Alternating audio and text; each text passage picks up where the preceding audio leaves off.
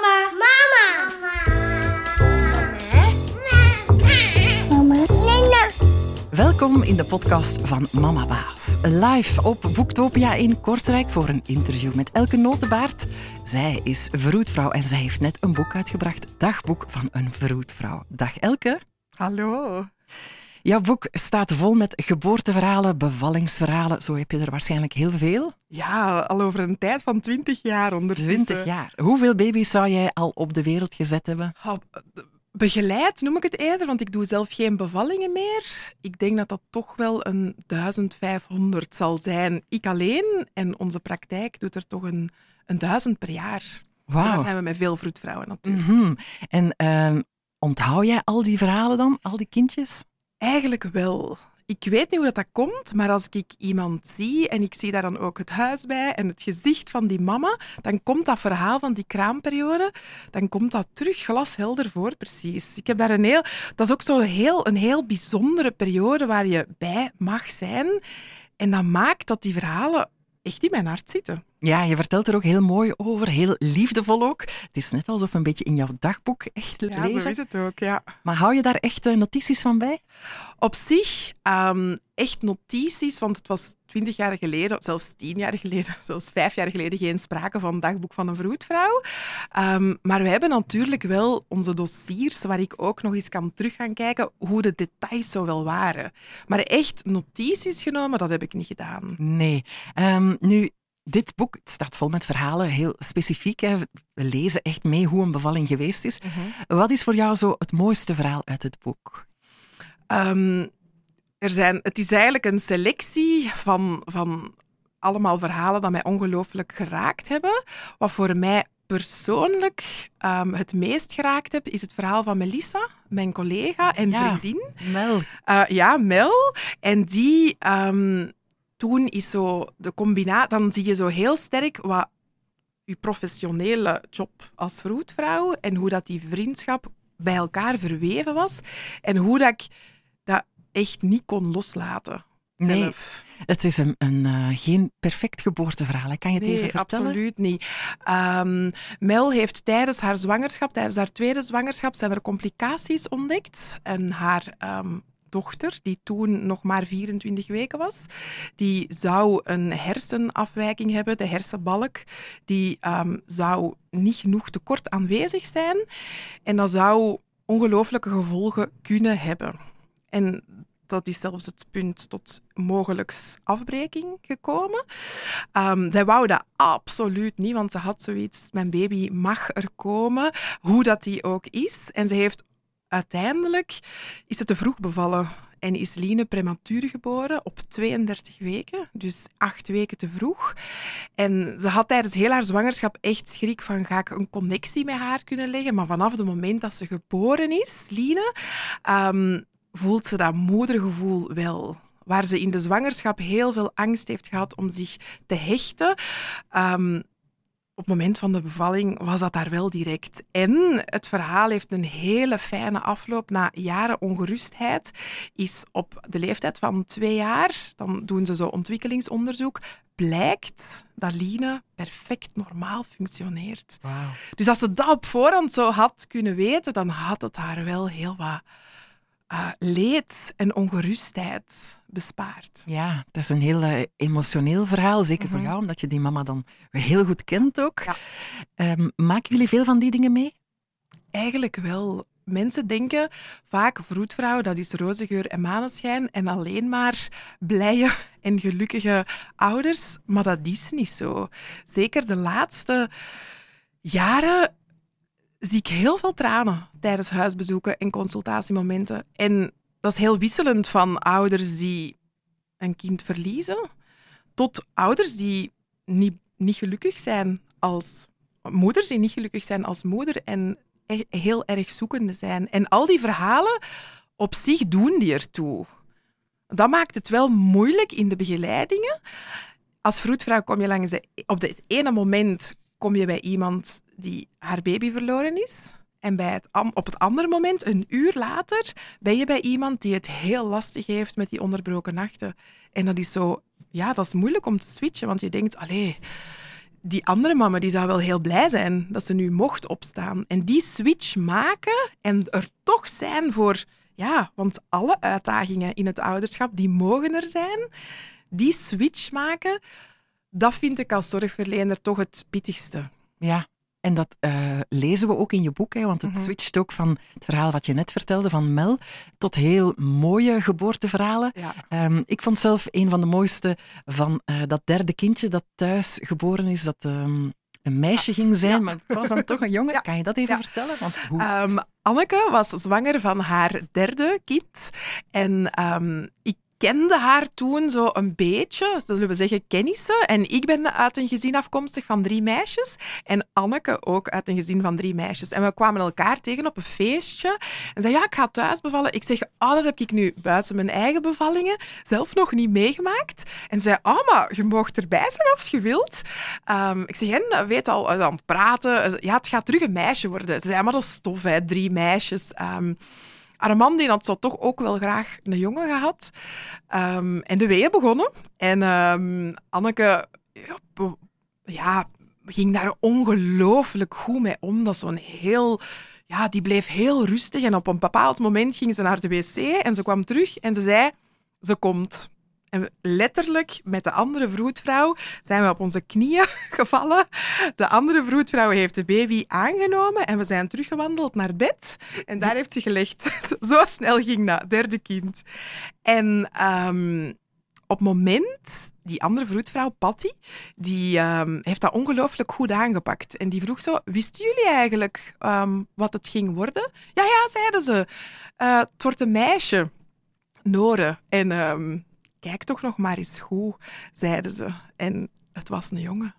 Maar dat is zo'n gezin dat daar, ah ja, dat is oké, die daar zo een uurtje van moesten bekomen.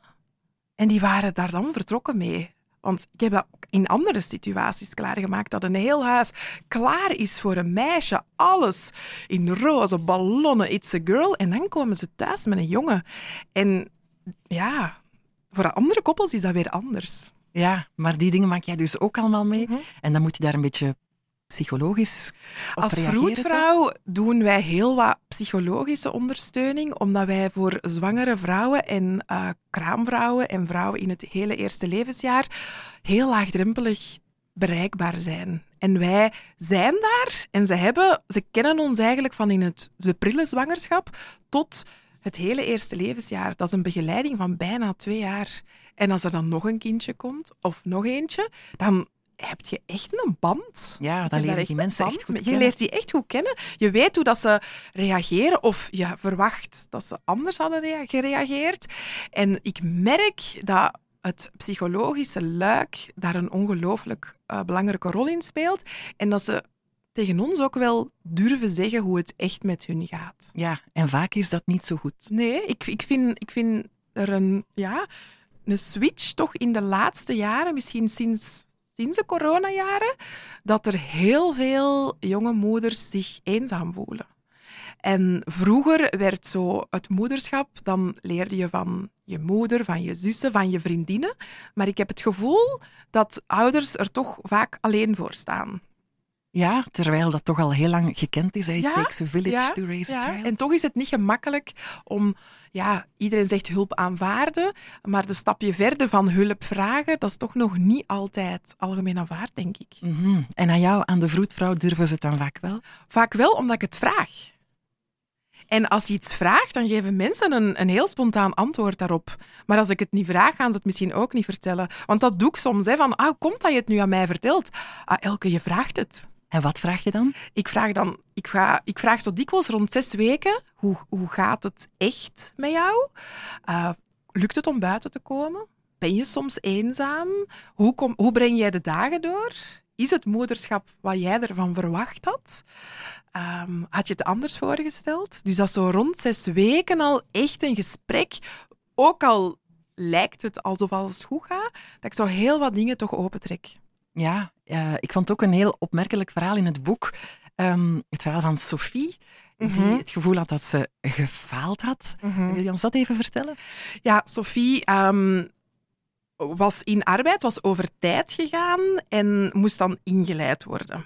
En dat was een heel lang proces. En op het einde ehm, is het dan ook nog een spoedkeizersnede geworden. Dus helemaal anders wat zij verwacht had. Want ik spreek met mensen over hun geboortewensen. En ik heb het ook uiteraard ook altijd over wat als het anders loopt.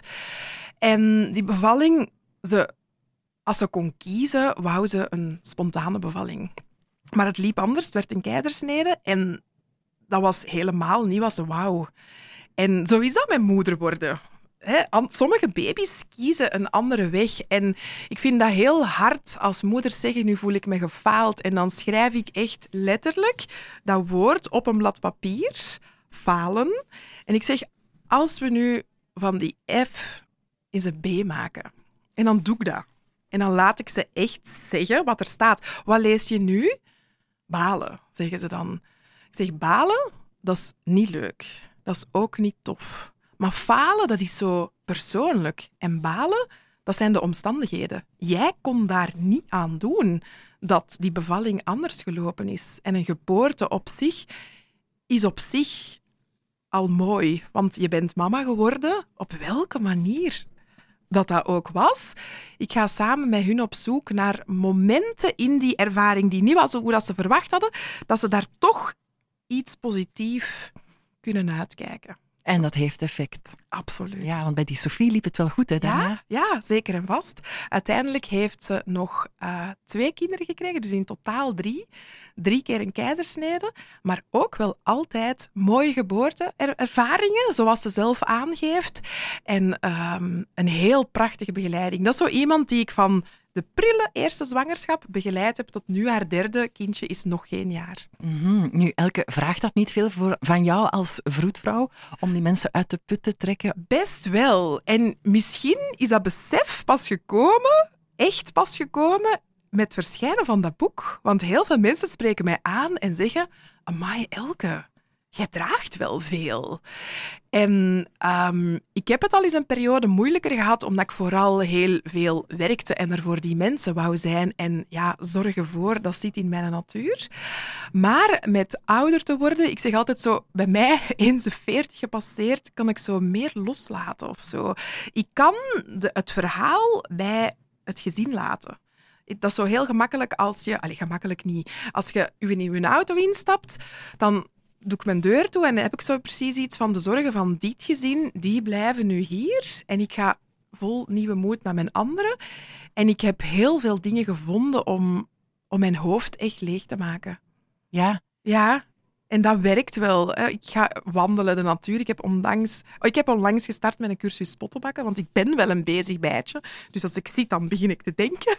En als ik met iets bezig kan zijn, dat maakt mijn hoofd wel leeg. En dat is als zorgverlener wel heel belangrijk. Mhm. En wisselen. Ik heb superlieve collega's dat ik mijn zorg ook kan wisselen. Als het soms te intens wordt of te, dicht- te dichtbij of het triggert iets bij mezelf, dan kan ik zoiets aan mijn collega vragen, wilde jij nu twee keer gaan? En dan ga ik terug. Ja. Mhm.